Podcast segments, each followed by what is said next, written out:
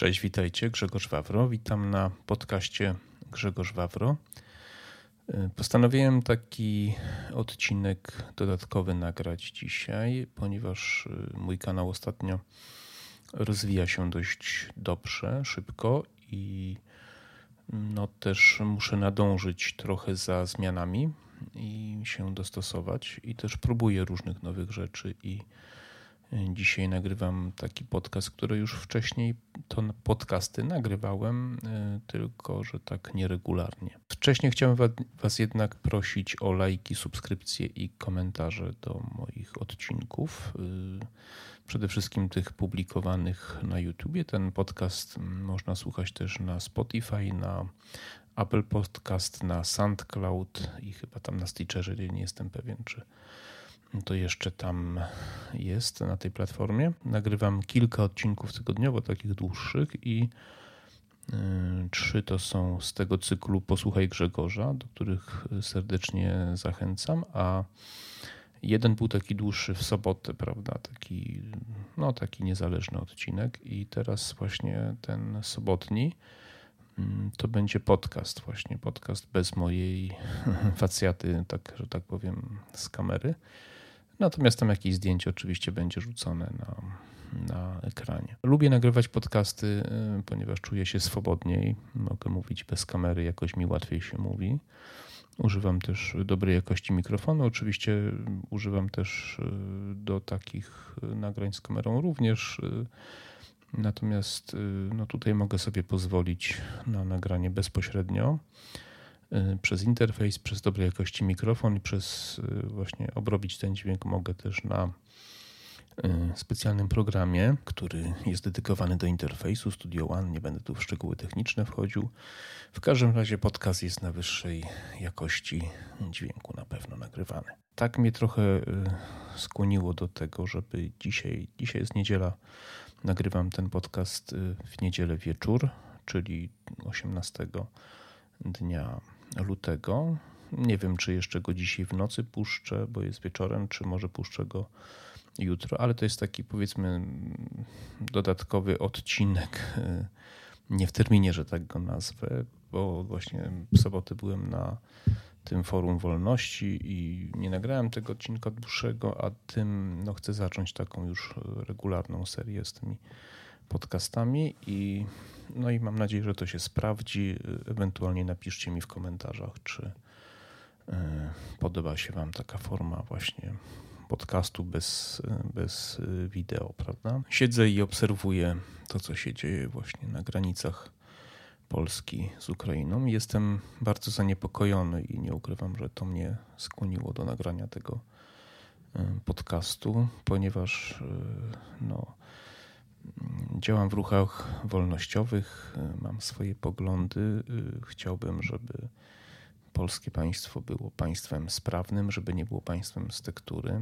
I bardzo boli mnie to, co widzę, co się dzieje, jak polscy urzędnicy, polscy ministrowie no, nie stoją po stronie polskich rolników, obywateli, po stronie Y, naszego zdrowia, że tak powiem. Boli mnie to, że sprzyjają właśnie y, obcemu państwu, można powiedzieć, które no bynajmniej nie jest państwem y, grzecznym w swoim postępowaniu, mówiąc delikatnie. Problem jest bardzo poważny, ponieważ Polska, jak to ma w zwyczaju, bezmyślnie, bezinteresownie postanowiła się otworzyć na pomoc, nie otworzyć się na pomoc, tylko sama otworzyła się z pomocą no, państwu, które stanęło w obliczu utraty swojej suwerenności. Zrobiła to całkowicie bezmyślnie, bezrefleksyjnie.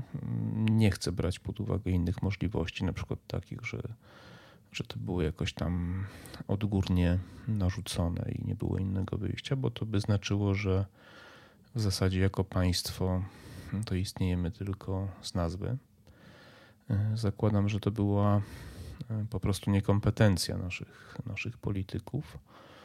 Pozbycie się broni, dużej ilości broni, najważniejszej broni pancernej. Mm, otwarta taka ostentacyjna pomoc e, również w przekazie, zero geopolityki, zero wyrafinowania, po prostu taka tempa prymitywna reakcja, która no, nie może wzbudzać szacunku po drugiej stronie. I nie trzeba było długo czekać na odzew, czego należało się spodziewać. Ja o tym mówiłem i wiele osób o tym mówiło, że spodziewanie się wdzięczności ze strony Ukraińców jest naiwnością. Wdzięczności być nie może, nie ma, nie będzie. Nie było nigdy i nigdy nie będzie. To nie jest ta kultura, to nie jest ta cywilizacja. Oni liczą się raczej z silnym. Dogadają się z każdym, kto będzie wrogiem Polski. Dogadają się z Niemcami. Prędzej z Rosją się dogadają niż z nami się dogadają, bo my jesteśmy dla nich jednym z największych wrogów. Ukraina ma do nas roszczenia terytorialne. Ukraińcy są bezwzględni. Ukraińcy cały czas y, hołbią swojego bohatera Banderę. Uważają go za bohatera narodowego. Jakiś część oczywiście, pewnie nie wszyscy. I Ukraińcy uważają, że im się wszystko tutaj u nas należy. Wejście do Unii Europejskiej Polski y, teoretycznie na początku spowodowało, że Polska no, rzeczywiście bardzo dużo zyskała. Ja powiem tak, y, nie wiem jak tam za mną będzie, mam 51 lat, różnie może być ale do końca życia nie wybaczę sobie tego, że oddałem głos na Unię Europejską. Nie kupuję tych głosów, które nawet są w kręgu ludzi, których znam z mojego kręgu politycznego. Są osoby, które twierdzą, że my korzystamy na byciu w Unii Europejskiej. W pewnych obszarach na pewno, takich jak wolny handel, prawda, czy otwarcie granic, czy zniesienie ceł, niewątpliwie, ale to jest jeden z punktów oczywiście. Natomiast biorąc całościowo, Polska bardzo dużo traci. Przede wszystkim traci możliwość samodecydowania o sobie. Mm, nie wykształciła przez ten okres własnych elit, które mogłyby skutecznie y, bronić interesów y, Polaków staliśmy się częścią większego tworu. Nie mieliśmy przez okres PRL-u, nie wykształciliśmy sobie właśnie ludzi, elit, nie mieliśmy szkoły geopolityki. Niemcy i Rosjanie wymordowali nasze elity i teraz z tego korzystają. Pewien ciąg taki historyczny został przerwany. Dlaczego o tym mówię? Mówię o tym y, dlatego, że to jest konsekwencja wejścia do Unii Europejskiej. Właśnie to, co teraz się dzieje, dostosowanie naszych, naszego przemysłu rolnego, można już tak powiedzieć, ponieważ trudno tu mówić o rolnictwie jako takim. To nie jest małe, rozdrobnione rolnictwo, tylko to są potężne firmy, e, właściciele tych gospodarstw. To są ludzie, którzy są wysoko wykształconymi biznesmenami po prostu. Dostosowali się do tego, czego oczekiwała Unia Europejska do jakiegoś tam momentu to nawet było racjonalne, a teraz już od kilku lat jest absolutnie nieracjonalne. Wymogi, przepisy e, ekologiczne związane z uprawami, z ochroną ziemi, z tam przywracaniem, rewitalizacją pewnych terenów powoduje, że, że produkcja żywności jest coraz mniej opłacalna, generuje coraz większe koszty i w sytuacji, kiedy oni to spełnili, kiedy ponieśli te koszty, zresztą rolnicy z całej Europy, przecież protesty są wszędzie, można powiedzieć. Y, otwiera się granice kraju, który nie musi spełniać żadnych norm, w którym dużą część ziemi posiadają koncerny niemieckie, holenderskie, nawet jeden amerykański. Przesyłają do nas żywność po prostu toksyczną, nie spełniających żadnych norm, a Unia Europejska znosi cła. Jest to sytuacja moim zdaniem nie pozostawiająca żadnych wątpliwości, że mamy do czynienia z korupcją na bardzo dużą skalę. Czyli uważam jednoznacznie, że wielkie koncerny po prostu w jakiś sposób wywarły wpływ na polityków europejskich. Nie mam dowodów, żeby uniknąć procesów, jaki to sposób było, ale niewątpliwie musiało dojść tam do jakiegoś dealu e, i po prostu próbują sprzedać swoje produkty, żeby było też oczywiste w cenie produktów polskich, bo to jeżeli te produkty pszenica, nie wiem, tam maliny z pleśnią czy inne rzeczy przyjeżdżają do Polski, to one nie są sprzedawane po niższej cenie odbiorcy, jeżeli z nich wyprodukuje się chleb czy jakieś inne rzeczy, to one są, te produkty są sprzedawane w cenach takich, jakby to były polskie produkty czy z innego kraju europejskiego. Więc te firmy zarabiają krocie, a my żyjemy coraz krócej, a nasze dzieci chorują na choroby nowotworowe, a polski rząd wysyła policję po to, żeby chronić ukraińskie ciężarówki dostarczające toksyczną żywność do Polski i do Europy Zachodniej.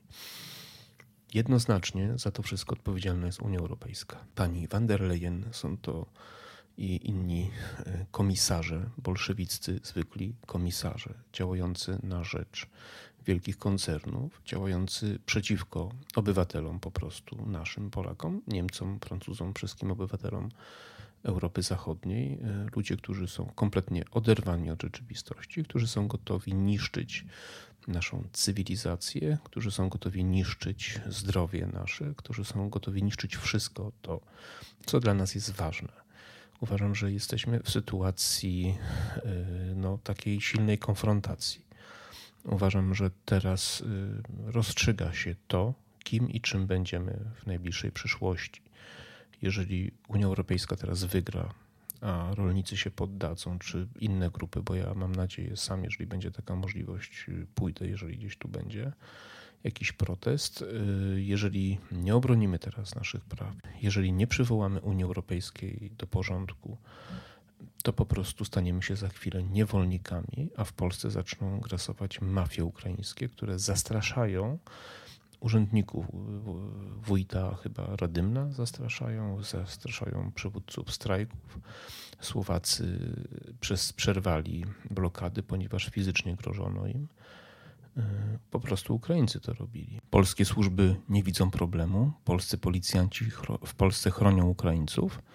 Jest to jakiś koszmar, jest to Hitchcock w czystej postaci. Po prostu państwo polskie abdykowało, państwo polskie wzięło stronę naszego przeciwnika politycznego i gospodarczego.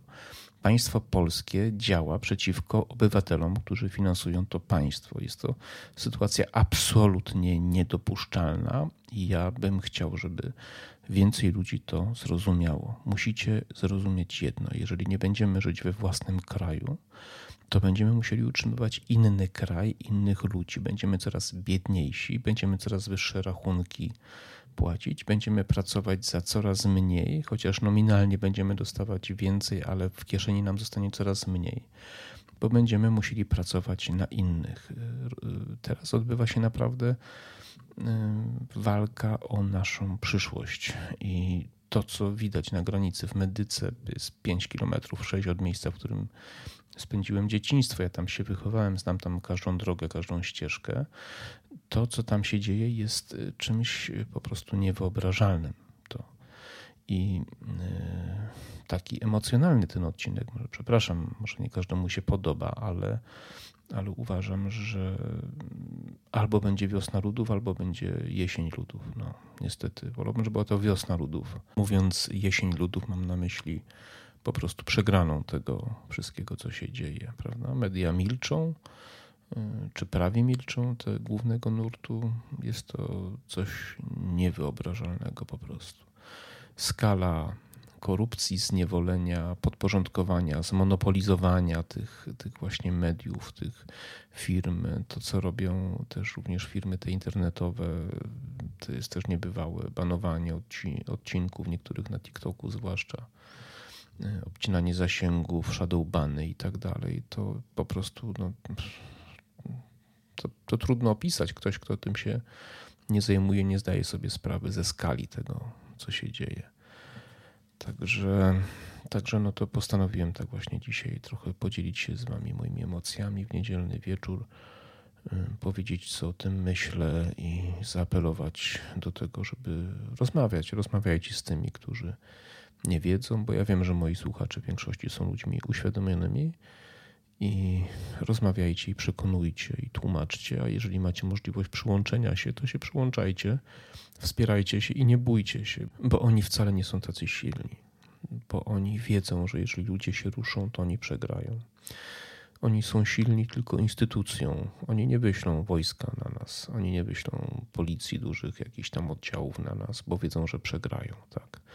Wiedzą, że ich cała filozofia opiera się na kłamstwie i na utopii, a to musi w końcu przegrać. Chodzi o to, żeby zminimalizować po prostu straty, jakie e, możemy ponieść, jeżeli ta hołota będzie dalej u władzy. Chcieli ludzie wierzyć, że głosują na dobro, na nowoczesność, bo wartości, bo prawa kobiet, bo aborcja i wiele innych rzeczy. Guzik, prawda? Mówiłem to w kampanii wyborczej. Kto nie wie, ja startowałem w wyborach. Starałem się tłumaczyć, że jest to tylko odwrócenie uwagi od rzeczy najważniejszych, czyli gospodarczych, podatków i suwerenności. Niestety wiele osób nie chciało mnie słuchać. Wiele osób uważało, że warto głosować na tą bolszewicką bandę, ponieważ oni y, po prostu chcą czynić dobro, bo chcą prawa ludzkości ludziom przywracać. No to teraz macie macie prawa kobiet, macie prawa aborcji, macie, macie, wyjdźcie sobie, idźcie do rolników i powiedzcie, że głosowaliście za tą bandą po prostu, która, która teraz właśnie niszczy państwo polskie, niszczy polskie rolnictwo, niszczy Polaków po prostu, niszczy ludzi, którzy zbudowali ten kraj, który jest aktualnie jeszcze ciągle najbezpieczniejszym krajem na świecie, w którym żyje się najlepiej na świecie ze wszystkich państw. Wierzcie mi, byłem na takim wykładzie, wszystkie dane pokazują, że Polska jest najlepszym miejscem do życia, że w Polsce żyje się najlepiej. I to dzięki naszej ciężkiej pracy się to odbywa e, i dzięki naszemu zaangażowaniu, dzięki temu, że pomimo polskich rządów, fatalnych rządów przez 30 lat, udało się nam zbudować to nasze fantastyczne państwo. I uważam, że warto bronić naszego państwa i warto też tłumaczyć nawet tym, którzy gdzieś tam pobłądzili, bo każdy błądzi. Więc y, apeluję do ludzi, którzy głosowali na tą bandę bolszewicką. Na zmianę zdania nigdy nie jest za późno. Na powrót do właściwych wartości, na właściwą drogę nigdy nie jest za późno. Każdy błądzi. Ważne, żeby nie tkwić w błędzie, wbrew powiedzeniu właśnie, że łatwiej kogoś oszukać niż przekonać, że został oszukany. Nie dajcie się więcej oszukiwać. Y, bądźcie wolnymi ludźmi po prostu i pomóżcie nam odsunąć tą hołotę bolszewicką, niezwykle destrukcyjną, toksyczną, od władzy, zarówno w Warszawie, jak i w Brukseli po prostu. Bo od tego zależy przyszłość nasza i waszych dzieci, bo ja dzieci nie mam i waszych wnuków po prostu. I na koniec już powiem tak. Mm, jeżeli daliście się oszukać w ten sposób, że można stworzyć jakieś państwo europejskie, jakiś twór, gdzie będziemy Europejczykami, to daliście się oszukać. Tego się nie da stworzyć. To się będzie kończyć tak, jak teraz się kończy polityka rolna, ekologiczna Unii Europejskiej. Próba stworzenia jednego wielkiego państwa skończy się jeszcze gorzej. Tak jak mówi Rafał Zienkiewicz, skończy się bałkanizacją Europy, czyli wielkim dramatem.